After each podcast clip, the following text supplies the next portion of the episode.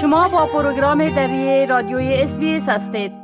حال با جاوید روستاپور خبرنگار پروگرام دری در کابل به تماس هستیم که اونا درباره تازه ترین تحولات در افغانستان معلومات میتن آقای روستاپور سلام عرض بکنم خب اولتر از همه اگر درباره ادعای طالبان مبنی بر کشف چند تانک در جریان تلاشی خانه به خانه معلومات بتین لطفا.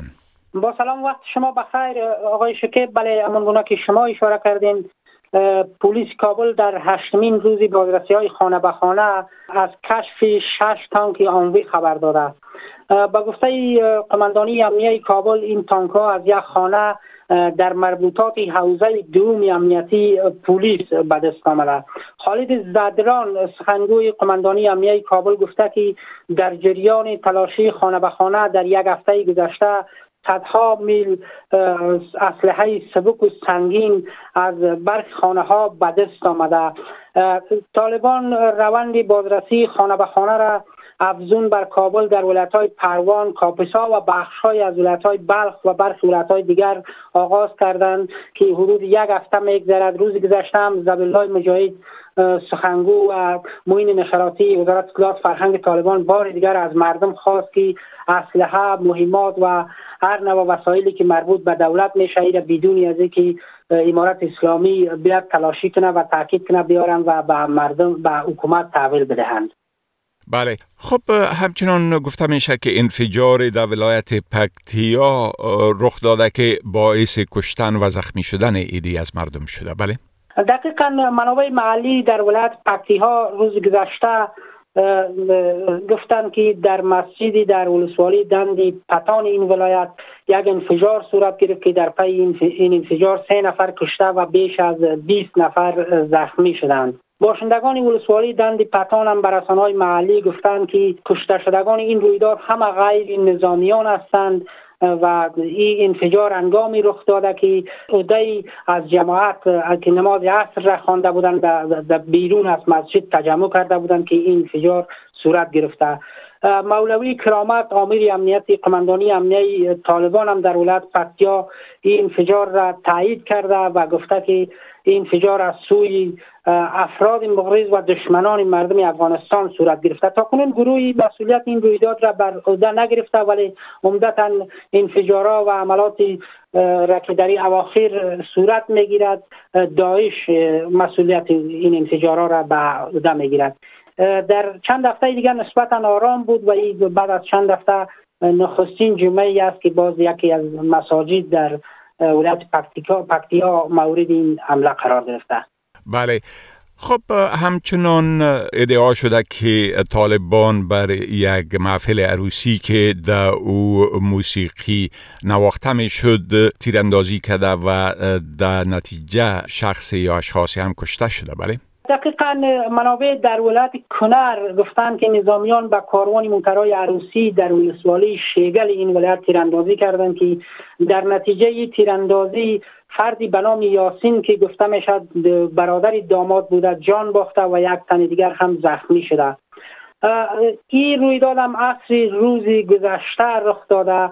منابع بر های محلی گفتند که طالبان نخست هشدار دادند چون از محل تجمع موسیقی از محل تجمع عروسی صدای موسیقی به گوش می رسید و سپس یا به سوی کاروان عروسی شلیک کردند. طالبان عمدتا در برابر موسیقی اساس هستند هرچند که وزارت امر به معروف طالبان تاکیدش است که هیچ نیروی امارت اسلامی حق ندارد که به زور موسیقی را منع کند یا مواردی که وظیفه و مسئولیت وزارت امر به معروف است بالای مردم تطبیق کنه اما افراد طالبان در برابر موسیقی و برخی مسائل دیگر اساس هستند که متاسفانه در, در ولایات بیشتر اینا هر کدامش سری خود عمل می‌کنن و به مردم که بارها سبب آزار و اذیت مردم شدن تا کنون طالبان در پیوند با این مسئله با این موضوع رسما چیزی نگفتند که این افراد را بازداشت می‌کنند یا این تیراندازی از سوی چی کسایی صورت گرفتن بله. خب گفته میشه که تعیینات نو در پست ها و مقامات بلند از طرف مقامات طالبا از طرف حکومت طالبا صورت گرفته.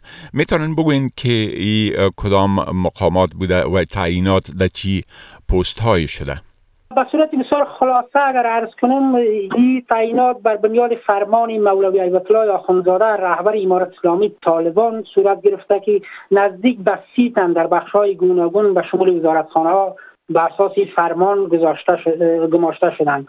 مسئولان امارت اسلامی هدف از گماشتن افراد تازه را در بدنه حکومت اقدام برای بهبود ارائه خدمات عنوان کردند. این مقررات شامل وزارت کار امور اجتماعی و بیشتر معینیت ها می باشد و به همین ترتیب رئیس های عمومی وزارت ها در وزارت ها می باشد. این مقررات در حال صورت می گیرد که شماری از مردم بازم انتخابشان ای است که افرادی که به پست های بلندی حکومتی گماشته می‌شد مربوط به مربوط و وابسته به طالبان هستند و از افرادی با ظرفیت تحصیل کرده و کسایی که متخصص هستند تا کنون استفاده نشده شهروندان و آگاهان بازم پیشنهادشان است که طالبان باید از وابستگی به گروه و افراد خود بگذرند و حکومت همه شمول را اندازی کنند و از جوانان تحصیل کرده کسایی که تخصص دارند در بخش های مختلف از یا در دولت استفاده شد تا به معنای واقعی دولتی همه شمول شکل بگیرد. اما طالبان تاکیدشان نیست که حکومتشان همه شمول است. ولی قرار که دیده می‌شد لیست طویلی که دیروز نشر کردن که بیشتر از سی نفر در این پستا گماشته شده همه ایشان تحصیلاتشان در بخش مدرسه و ملایی است. بله خب بسیار تشکر آقای روستاپور از این معلوماتتان و فعلا شما را به خدا می سپارم و روز خوش برتان آرزو می کنم خدا نگهدار شما می خواهید این گونه گزارش ها را بیشتر بشنوید؟ با این گزارشات از طریق Apple Podcast، Google Podcast، Spotify و یا هر جایی که پادکاستتان را می گیرید گوش دهید.